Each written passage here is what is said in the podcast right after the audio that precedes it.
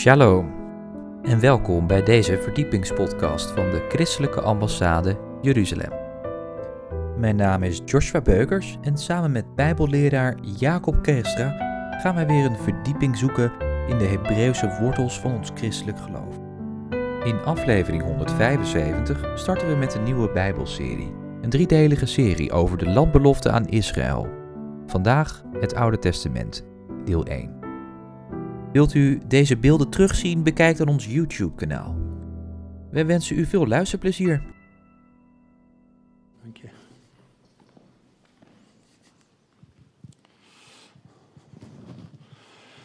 Mensen, ook van mijn kant, hartelijk welkom. Landbelofte aan Israël. Dat is een spannend onderwerp. Ik hoop dat u een Bijbel hebt meegenomen. Want ik zal wel een aantal teksten projecteren, maar uh, in je eigen Bijbel meelezen gaat dubbel op. Um, landbelofte wordt tegenwoordig nog wel eens betwist. Hij is een beetje blikkerig, hoor ik uh, geluid. Landbelofte wordt nog wel een beetje betwist, maar dan is het goed om gewoon Gods woord erbij te nemen. Ik zal hem toch de lezing een beetje in twee delen hebben. Eerst de landbelofte aan Israël vanuit het Oude Testament. Het zal duidelijk zijn dat daar de landbelofte aan het volk Israël is. Maar dan natuurlijk het spannende deel ook in het Nieuwe Testament. En daar heb ik een aantal zeer bijzondere teksten om ook uh, samen te lezen. Maar we beginnen bij het begin. Nou, laat ik deze e- even overslaan. Het begint natuurlijk bij de roeping van Abraham. Genesis 12. Dat Abraham op weg gaat naar het land wat God hem wijzen zal. Maar in die belofte gaat dat voornamelijk over het volk. En ik zal zegenen wie u zal zegenen. En in u zal ik alle volkeren der aarde zegenen. En dan wordt het verbond wat God met Abraham opricht, dat lezen we in Genesis 15. In Genesis 15 staat heel drukkelijk dat God aan zijn aan Abraham een belofte doet van het land. Wat staat in Genesis 15, vers 18? Ehm, Op die dag sloot de Heer een verbond met Abraham en zei: Aan uw nageslacht heb ik dit land gegeven, van de rivier van Egypte af tot aan de grote rivier, de rivier de Eufraat toe. En dat is een eeuwig verbond. En dat wordt herhaald in die zeer bekende psalm, psalm 105. En in psalm 105, daar staat, God gedenkt aan zijn verbond voor eeuwig. Hoe lang duurt eeuwig? Hoe lang duurt eeuwig? Oké. Eeuwig is dus altijd. Dus dat is niet vervangen toen Jezus kwam. Dus ook geen vervangingstheologie. Als God zegt, dit land geef ik u voor eeuwig. Dat is wel fundamenteel, hè? En dan staat er God gedenkt aan zijn verbond voor eeuwig, aan de belofte die hij gedaan heeft tot in duizend generaties. Nou, hoe lang duurt duizend generaties? Van Adam tot Noach waren tien generaties. Van Noach tot Abraham waren tien generaties. Van Abraham tot Jezus waren drie keer veertien generaties. Dus voordat je aan de duizend generaties bent, dat duurt even. Hè? Ja, even, even de beeldvorming. Hè? En God gedenkt aan het verbond dat hij met Abraham gesloten heeft. In welk verbond heeft hij met Abraham gesloten? Dat hebben we in Genesis 12 en in Genesis 15. Dat God dit land voor eeuwig. En aan dat verbond dat hij met Abraham gesloten heeft. En zijn eed aan Isaac. En voor Jacob heeft hij het vastgesteld als een verordening. Voor Israël als een eeuwig verbond door te zeggen: Ik zal u het land Canaan geven, het gebied tot uw erfelijk bezit. Oké. Dus nu hebben we al drie fundamentele teksten dat God het belooft, dat God een verbond maakt en dat God het voor eeuwig bevestigt. Nou, dan ben je toch redelijk zeker van je zaak. En wat is de inhoud van het verbond? Dat God dat land aan Israël geeft. Ja, dat is duidelijk. Alleen, God had twee dingen beloofd aan Abraham. Een land en een volk. En direct in Genesis 15 zegt God ook, let wel Abraham, uw nakomelingen zullen 400 jaar lang in Egypte zijn en dan terugkeren. En precies 400 jaar op de dag af uittocht. Even met Hebreeuwse oren, 400 is niet zomaar een getal. Als je namelijk de Bijbelse letters hebt, A, B, C, de, het Hebreeuws Alef, Bet, Gimel, Dalet, He, dat is ook de getallen 1, 2, 3, 4. En een joetje is een tientje. En de laatste letter is het getal, en nou komt hij, 400. En als we lezen in de Bijbel dat Jezus zegt, ik ben de Alpha en Omega. Hij die is, die was en die komt, de Almachtige. Dat is Grieks. En het Hebreeuws staat er, ik ben de Alef en de Taf. De Alef is de eerste, de A, nummer 1. En die Taf is de laatste letter, is getal 400. Dus precies Wanneer het alfabet alles vol is, zegt God, get out. En we weten dat die vuurkolom ging voor en uit, om de weg te en die wolkolom was achterin. Jongens, die farao die zag helemaal niks. En de rots die met hem meeging, is de Messias. Lees in Hebreeën. En die Messias is ook getalswaarde één, hij gaat voorop, maar is ook de 400 die het compleet maakt. Dan heb je een beetje, zijn we in Hebreeuwse context. Nou, prima. Maar nu komt hij. God geeft aan Abraham een land en een volk. We gaan het vandaag vooral over dit land hebben, maar dat is natuurlijk nooit los van het volk. En iedere keer als land en volk bij elkaar komt, is zegen voor de wereld.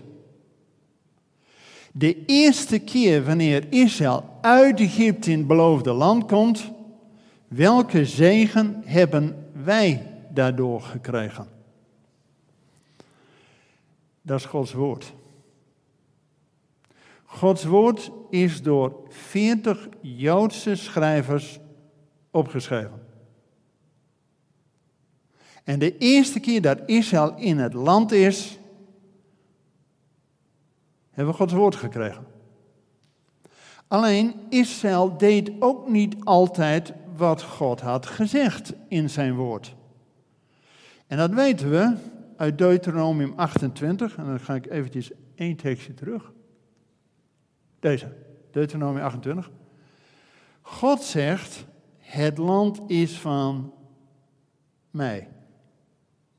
En het recht van Israël om op het land te, en in het land te wonen is afhankelijk van doet men de geboden van God of niet.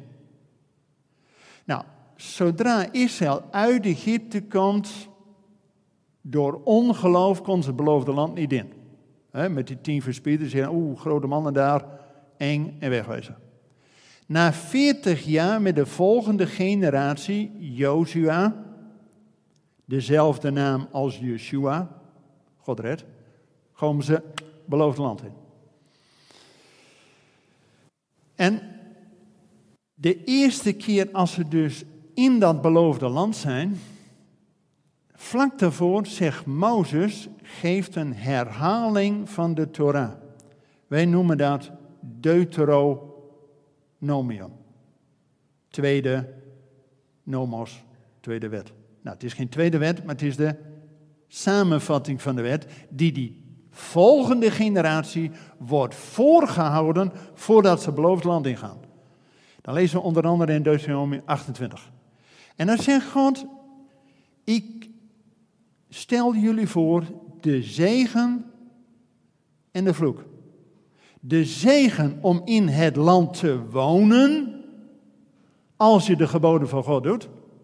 En dat God ook uh, regen geeft en dauw en vruchtbaarheid en uh, noem alles maar, geen ziekte. Maar vloek als je van de geboden van God afdrijft.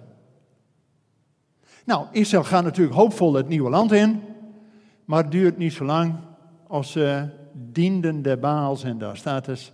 En God krijgt een hekel aan zijn volk. En geeft hun dus dat ze 70 jaar naar Babel gaan. Waarom? Zodat het land zijn rust krijgt, zijn sabbatjaren. Want God waakt over zijn land. Als Israël niet doet wat God zegt, eruit. Maar God blijft trouw aan zijn volk vanwege de belofte aan Abraham. Dus na 70 jaar komen ze terug in het beloofde land. Dat is dus de tweede keer. En de tweede keer wanneer land en volk bij elkaar komt, welke zegen krijgt de wereld? De eerste keer, hebben we gezien, kregen wij Gods woord. Door 40 Joodse mannen opgeschreven. Was geen Nederlander bij. De tweede keer dat Israël in het land is, krijgen we een volgende openbaring in de heilsgeschiedenis van God. Dat God aan de wereld via Israël Gods zoon en Gods geest geeft. Nou?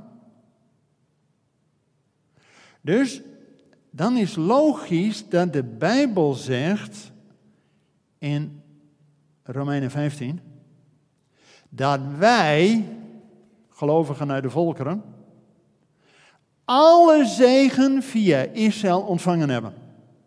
Nou, wij hebben via Israël Gods woord gekregen. We hebben via Israël Gods zoon gekregen. 42 generaties, 100% Joods. En direct daarna ook Gods geest gekregen. En Gods geest werd op Pinksteren aan die 120 mensen in de bovenzaal, daar waren allemaal Joden. Daar was geen Nederlander bij. De eerste niet-Jood die tot geloof komt, is in Handelingen 10, dat is Cornelius.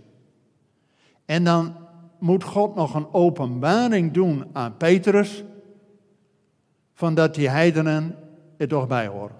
Ja, dus wij hebben dus via Israël alle zegen gekregen. Gods woord, Gods zoon en Gods geest. Amen. Maar nou komt hij. 40 jaar na de opstanding van Jezus en de uitstorting van de Heilige Geest is de tempel verwoest en daarna is ook Israël verstrooid over de volkeren. Dus Israël, het volk, is 2000 jaar niet meer in het land geweest. Nee. Dus dat je in de middeleeuwen dan zegt, landbelofte aan Israël, waar is Israël? Bedoel, dat kan me voorstellen, ja, waar is het? Maar nu, wij leven in de bijzondere situatie. We zijn de eerste generatie, hè, na 2000 jaar, die gewoon het niet hoeft te geloven, maar het gewoon kan zien. Iedere dag op tv of in de krant wordt wel over Israël. En anders in de Verenigde Naties zijn allemaal tegen. Dus iedereen kan weten dat Israël weer terug is in het land. Nou de vraag, nu Israël voor de derde en laatste keer terug is in het land. Welke zegen is er dan voor ons, voor de wereld? Enig idee. Als we alle zegen al hebben, Gods woord, Gods zoon en Gods geest, wat heb je dan nog meer nodig? Oh, die hebben we al. Maar de genade is door Jezus gekomen. Jongens, denk even na. Denk met mij mee. Nou, Israël na 2000 jaar terug is in het land. Ik zal zo uitleggen vanuit de schrift waarom dat, dat klopt met de Bijbel. Dat dat geen toeval is. Maar even om de gedachte te bepalen. Doordat Israël nu de derde en laatste keer terug is in het land, welke zegen staat er aan te komen voor de wereld? De wederkomst. Daarom is ook deze avond over de landbelofte aan Israël zo spannend. En dat zullen we nagaan. Want lees er met me mee in Jeremia 31, vers 10.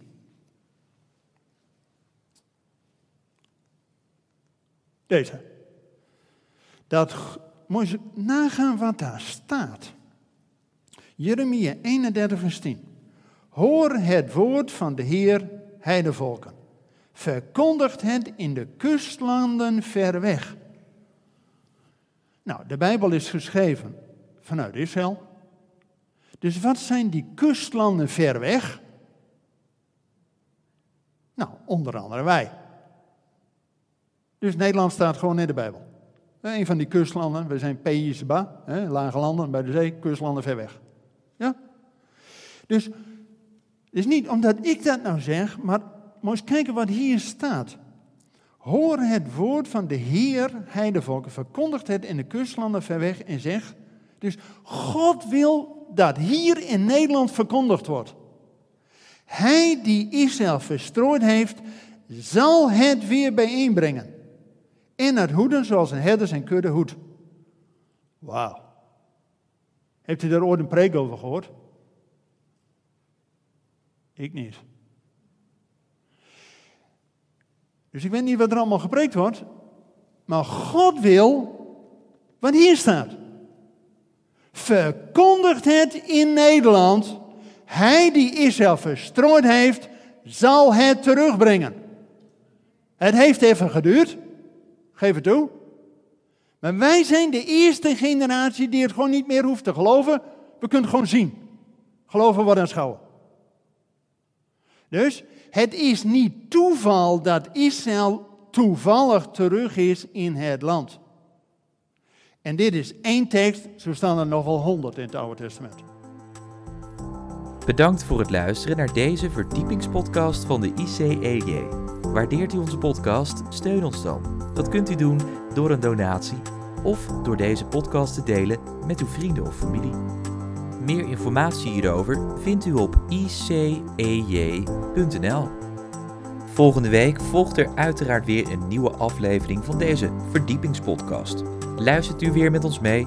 Ik hoop van wel. Bedankt voor het luisteren en tot volgende week.